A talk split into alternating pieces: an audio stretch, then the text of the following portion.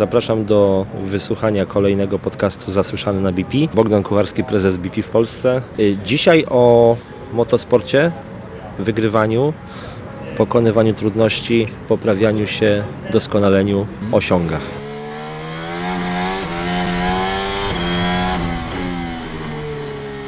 Tak, mamy tu dzisiaj rzeczywiście w Krakowie prawdziwy bolid y, Formuły 1 zespołu BWT Alpine F1.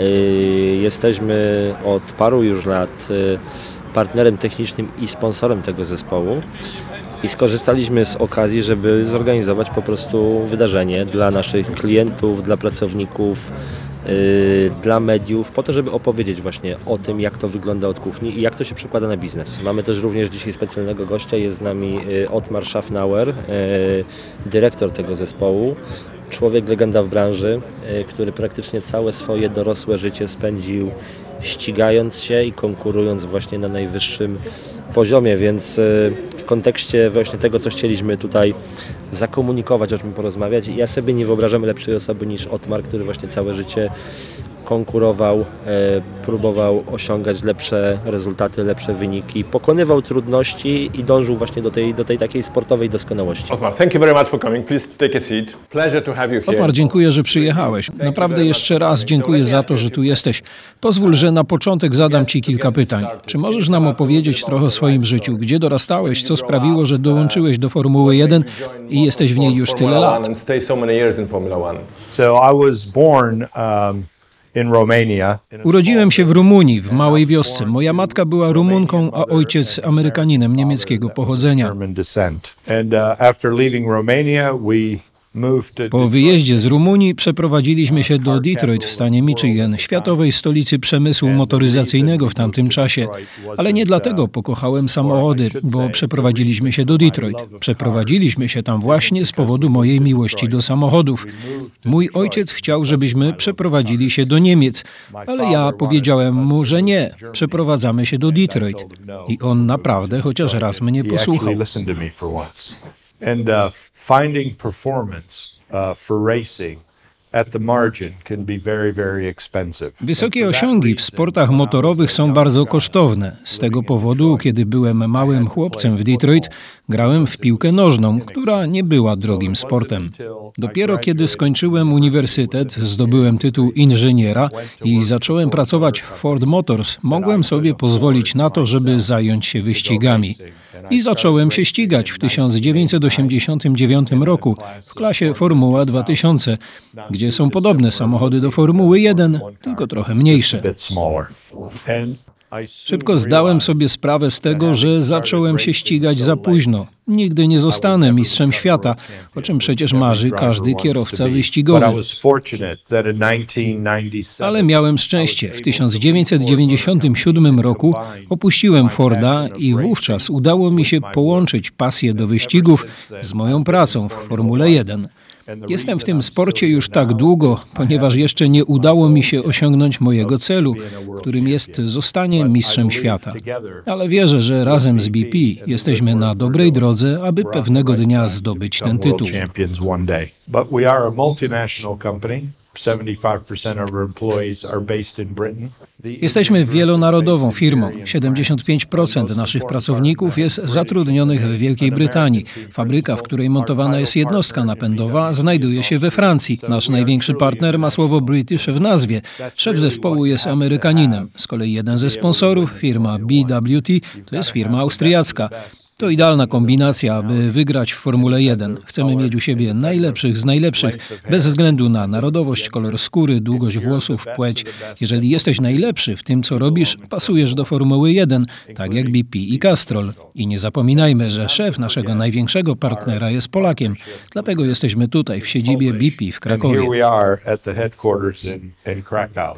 again, thank you very much for coming. Thanks. Druga osoba, którą chciałbym przedstawić, to pan Sławek Radoń, który u nas w firmie odpowiada za globalną relację właśnie z BWT Alpine F1 Team.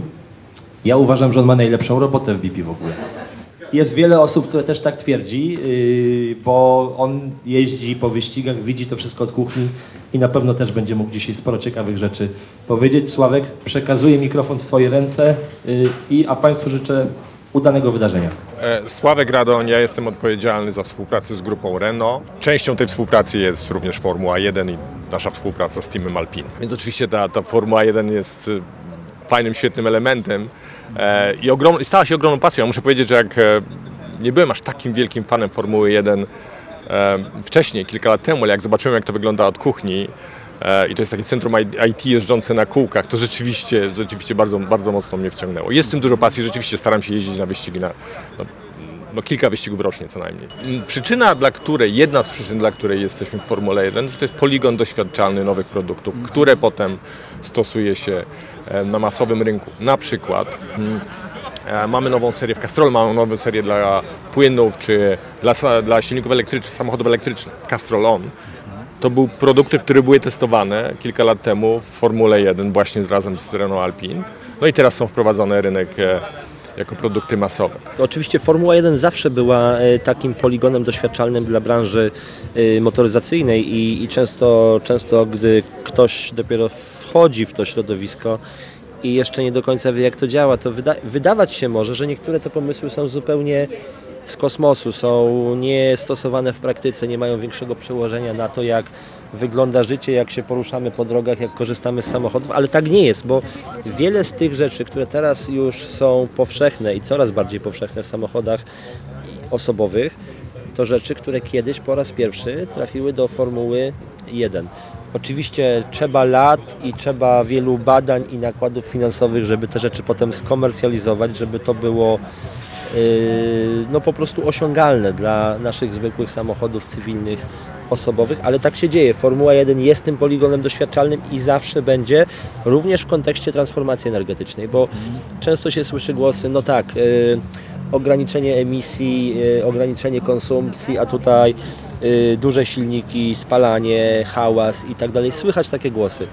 Natomiast jeżeli wejdziemy rzeczywiście w, i lepiej zrozumiemy, jak to działa, to tak nie jest. Silniki Formuły 1 to silniki, które są już teraz silnikami o wiele mniejszymi, 1,6 litra, hybrydowymi.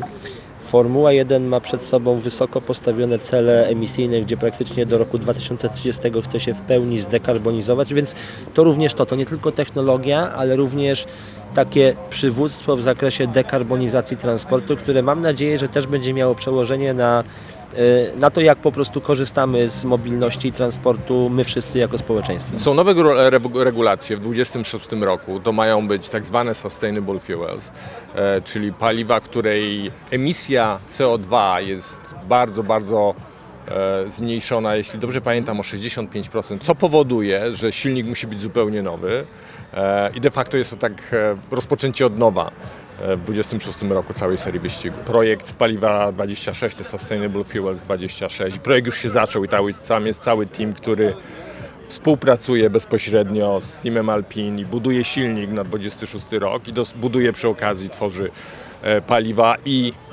i oleje od tej części kastrolowej, przygotowując się do roku 2026. Współpracujemy z zespołem e, BWT Alpine F1 e, już od kilku lat. Dostarczamy oleje, smary dla zespołu, dostarczamy wiedzę w tym zakresie. E, Te elementy są niezwykle istotne dla końcowych wyników zespołu. Na to się oczywiście składa masa rzeczy, bo to jest armia ludzi, inżynierów, to jest aerodynamika, to jest konstrukcja bolidu, to są opony, to jest paliwo i to są y, smary. Żaden z tych elementów sam w sobie nie jest w stanie wygrać wyścigu, ale kombinacja wszystkich tych elementów, ich poprawianie i dążenie do doskonałości to jest to, co urywa z wyników te dziesiąte, setne sekundy, które w Formule pierwszej właśnie decydują o tym, czy ktoś wygrywa, czy przegrywa.